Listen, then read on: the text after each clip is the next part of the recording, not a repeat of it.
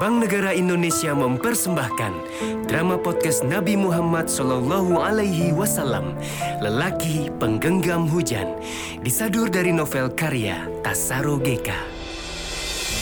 Episode keempat Pada kisah yang lalu diceritakan, Hadijah mendatangi Waroka, saudara sepupunya, dan menceritakan kejadian yang telah menimpa Muhammad saat didatangi sosok makhluk yang tidak bisa didefinisikan wujudnya. Makhluk bersayap yang kemudian menyuruh Muhammad untuk mengucapkan sebuah kata. Bacalah, bacalah. Muhammad suamiku menjawab dengan sejujur-jujurnya. Seperti kebanyakan orang-orang di Mekah, dia tidak terbiasa membaca. Bacalah, bacalah.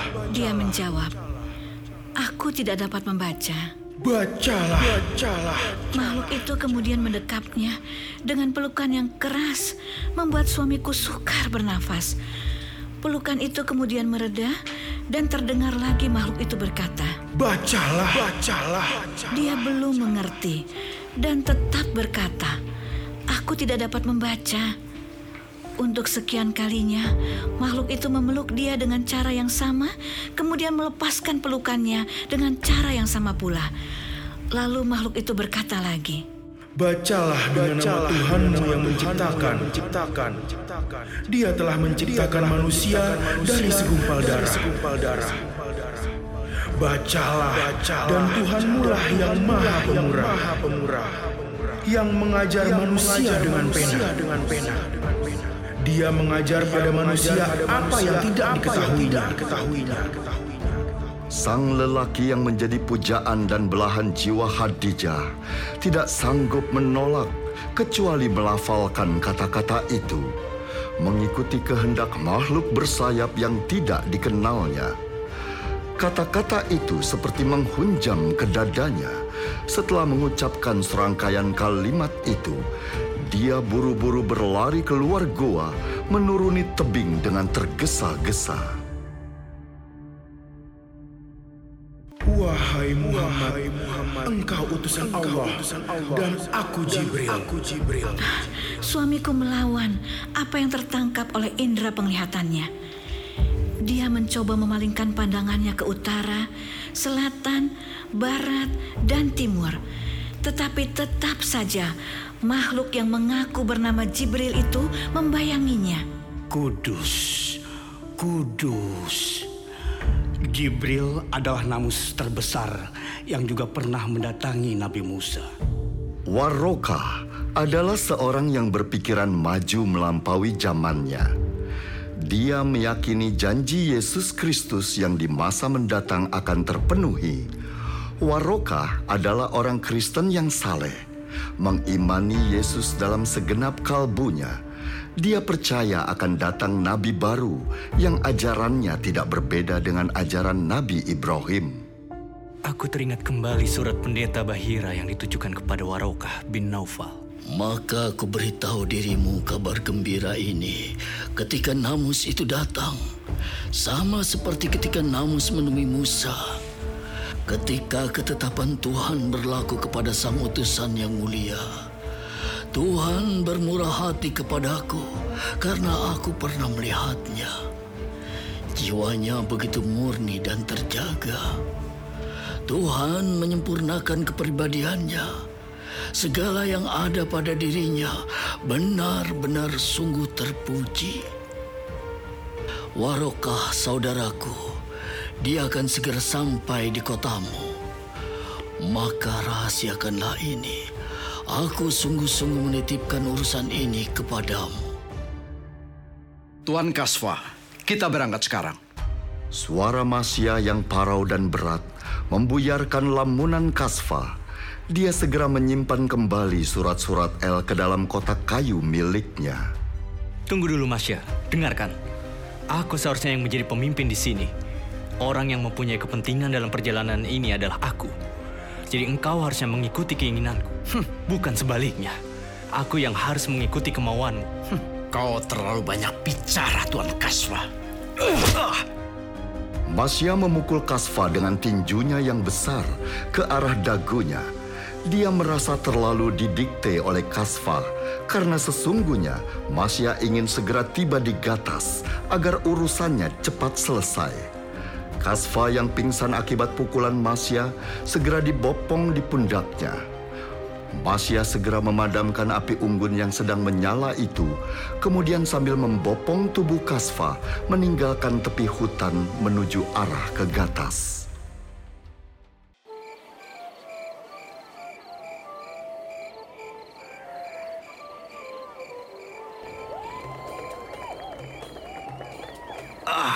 Rahangku terasa sakit. Nyeri berdenyut-denyut. mungkin agak bengkak. Aku ingat Masya yang melakukan ini semua. Sehingga aku tidak sadarkan diri. Di mana sekarang aku?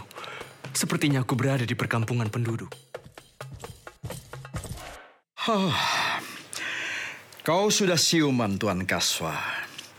Aku membawakan buah pir untukmu. Kau? Kenapa Tuan Kaswa? Kau seperti melihat hantu. Aku masih Masya yang dulu. Kau pikir siapa dirimu? Harusnya ku balas perbuatanmu. Kau beruntung.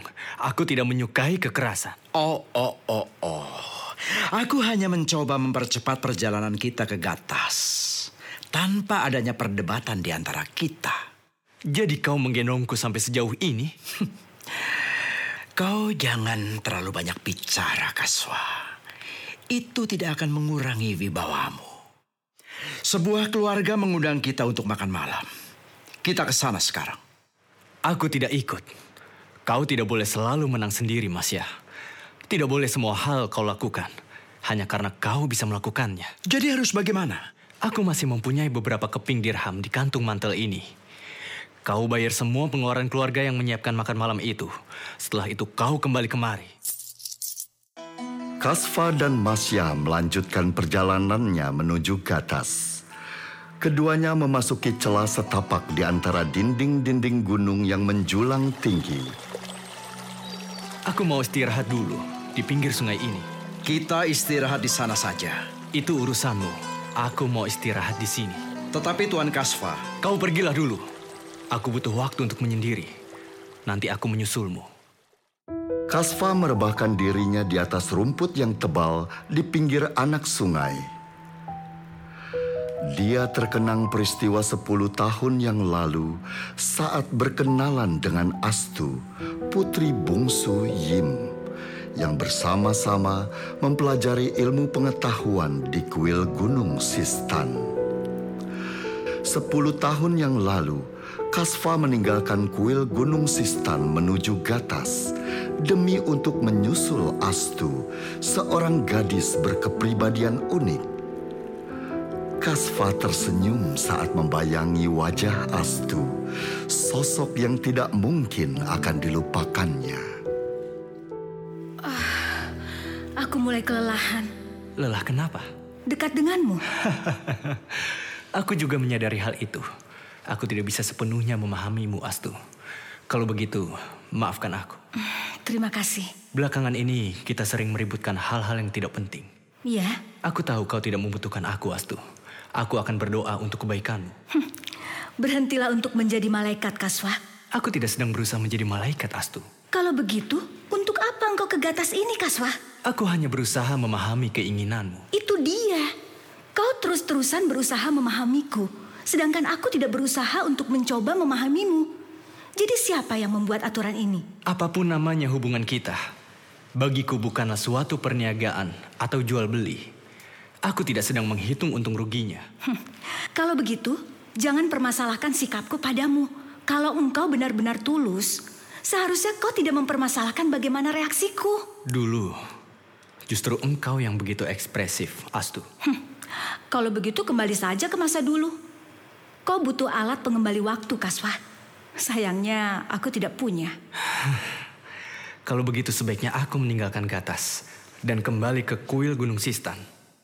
Seiring waktu yang berlalu, Kasva menemukan ada yang terbalik dalam posisi hatinya. Ketika dia menyadari ada luapan sayang, keinginan mengayomi, Astu justru menjungkir balikan pola interaktif di antara mereka. Kini setelah Astu berada di Gatas, Astu menjadi pribadi yang utuh, fokus pada sifat-sifat stabil, dingin, tenang, rasional, tanpa emosi, penyendiri, menghindari romantisme dalam bentuk apa pun. Mencintai itu kadang mengumpulkan segala tabiat yang menyebalkan dari orang yang kau cintai. Itulah peristiwa 10 tahun yang lalu saat Astu meninggalkan kuil Gunung Sistan atas izin Yim ayahnya. Kasva merasa ada sesuatu yang hilang pada dirinya. Akhirnya, dia membulatkan tekadnya menyusul Astu ke Gatas. Senja itu, 10 tahun yang lalu. Apakah pernikahan itu tidak menarik bagimu, Astu? Aku tidak pernah mengatakan itu. Sudahlah, Apa pun yang kukatakan dan kutanyakan, tidak pernah pas dengan yang kau jawab. Aku mungkin tidak cerdas. Aku tidak bisa memahamimu. Apa yang kau inginkan, apa yang kau butuhkan, aku tidak bisa memahaminya. Ah, sudahlah Kasfa. Apakah tidak ada pembicaraan yang lain? Aku menganggap memang pernikahan itu sesuatu yang engkau idamkan. Semoga kau mendapatkan apa yang kau cari di gatas ini, Astu. Aku pamit. Kasfa melangkah dengan kaki gontai.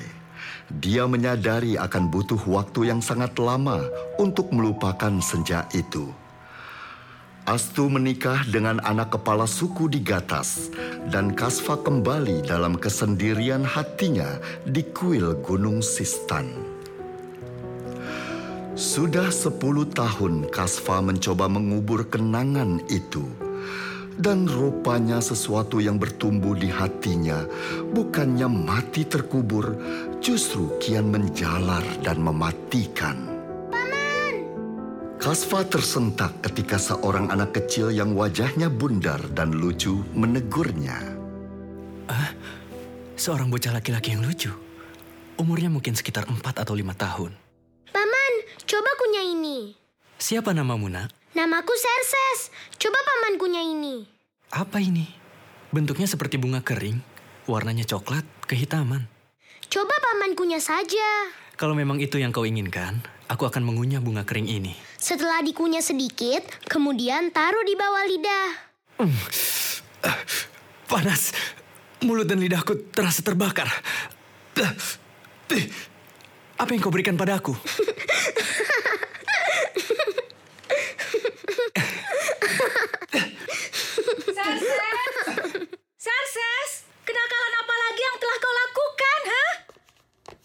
Aku hanya memberikan bunga cengkeh pada paman ini, Bu. Dan dia mengunyahnya. Lidahnya kepanasan. Uh, maafkan atas kenakalan Serses, anakku. Anakmu lucu dan energik, Nyonya. Aku menyukainya. Dia memang mudah bergaul. Lihatlah sekarang. Dia mendekatimu untuk minta digendong. Paman, paman, gendong aku. Perempuan di hadapan Kasva yang menggunakan topi petani lebar untuk menutupi wajahnya dari sengatan matahari segera membuka topinya. Dua keranjang buah yang tidak terlalu besar berisi kurma dan plum diletakkan di sisinya. Kemudian perempuan itu memandang Kasva dengan senyuman ramah. Jantung Kasva seperti dirajam Kakinya seperti mengambang, tidak menyentuh tanah. Dia mengenali wajah perempuan itu. Perempuan yang dia coba untuk melupakannya selama hampir sepuluh tahun. Uh, Astu, kaukah itu? Uh, ayah memberitahuku bahwa kau akan datang ke Gatas. Kasva tidak menyangka bahwa dia akan bertemu dengan Astu, perempuan yang pernah mengisi relung hatinya. Nah, bagaimanakah kisah selanjutnya? Apakah hubungan Kasva dan Astu akan terjalin kembali? Drama podcast ini persembahan dari BNI. Sampai jumpa dan nantikan episode selanjutnya hanya di Spotify Podcastless dan YouTube BNI. Bank Negara Indonesia.